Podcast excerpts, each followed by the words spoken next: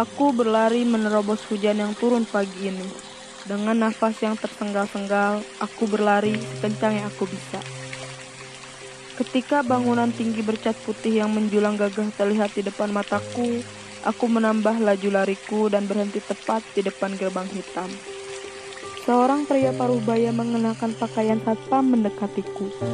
Wajahnya tampak kesal dan malas saat kala melihat wajahku. Terlambat lagi, dia mengangkat kedua alisnya. Aku tersenyum kaku tanda bersalah. Maaf pak, ucapku pelan. Pak Satpam yang memiliki nama Rohidin itu menggelengkan kepalanya. Namun, tapak berpikir panjang, dia langsung membukakan gerbangnya untukku. Mungkin dia merasa kasihan melihat bajuku yang basah, dan karena hujan pun semakin deras.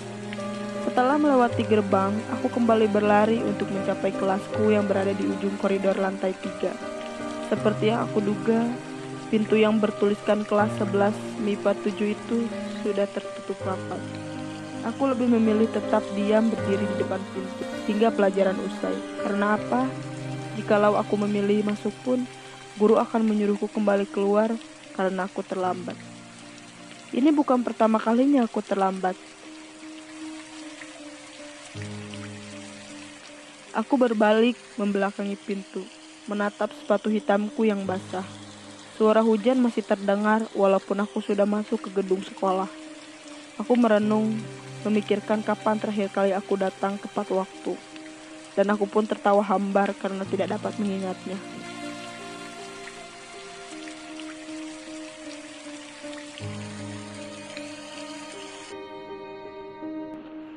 Namaku Damarakana. Tidak ada yang spesial tentangku. Aku hanya gadis bodoh berusia 16 tahun yang duduk di kelas 11 MIPA di sekolah swasta favorit terbaik di kota ini. Jika kalian berpikir aku anak orang kaya dari keluarga terpandang, kalian salah. Hidupku jauh dari kata mewah. Jika kalian berpikir aku siswi cerdas yang mendapatkan beasiswa, kalian jelas salah. Bukankah sudah aku katakan, aku hanyalah gadis muda yang bodoh. Aku tidak pernah mendapatkan nilai lebih dari 50 di tes matematika.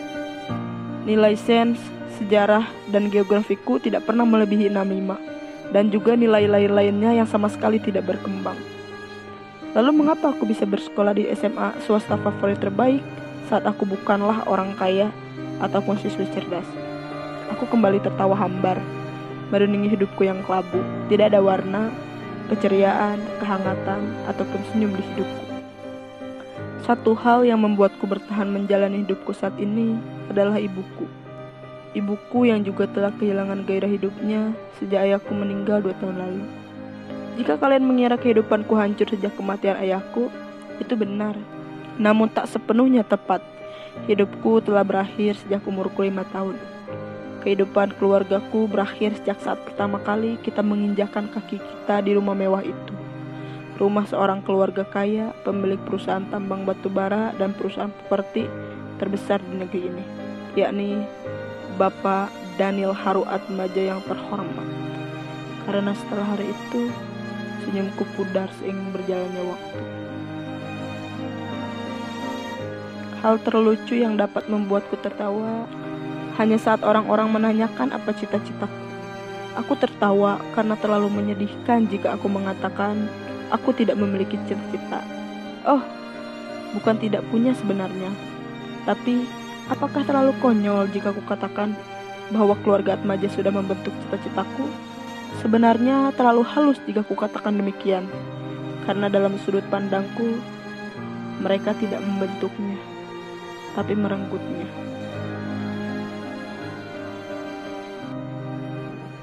Aku tidak memiliki cita-cita dan masa depan sejak Bapak Daniel Haru Atmaja yang terhormat dengan mudahnya mengatakan bahwa aku harus menjadi bayangan putri kesayangannya. Iya, bayangan. Hidupku bukan milikku. Hidupku tak lebih dari sebuah bayangan yang akan selalu berada di pusaran kehidupan Rahelia Evelyn Atmaja, seorang gadis muda yang cantik, cerdas, dan memiliki banyak teman. Namun, sayangnya dia terlalu terbuai dengan kemewahan dan kasih sayang palsu dari kedua orang tuanya. Dia dibesarkan dengan kemewahan yang tiada tara, yang sering membuatnya menjadi gadis ceroboh dan bodoh sejak dia kecil. Dia sering melakukan kesalahan-kesalahan fatal yang tidak pernah ia sesali. Karena apa? karena ia memiliki bayangan bernyawa.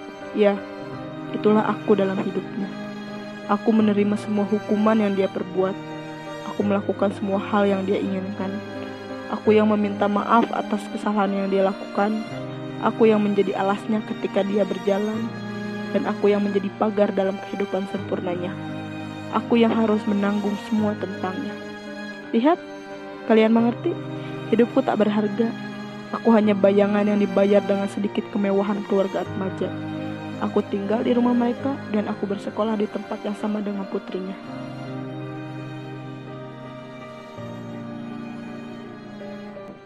Aku, Damarakana. Aku hanya gadis lemah yang kehidupannya direnggut. Satu hal yang terus menjadi pertanyaanku adalah, mengapa dunia terlalu kejam kepadaku?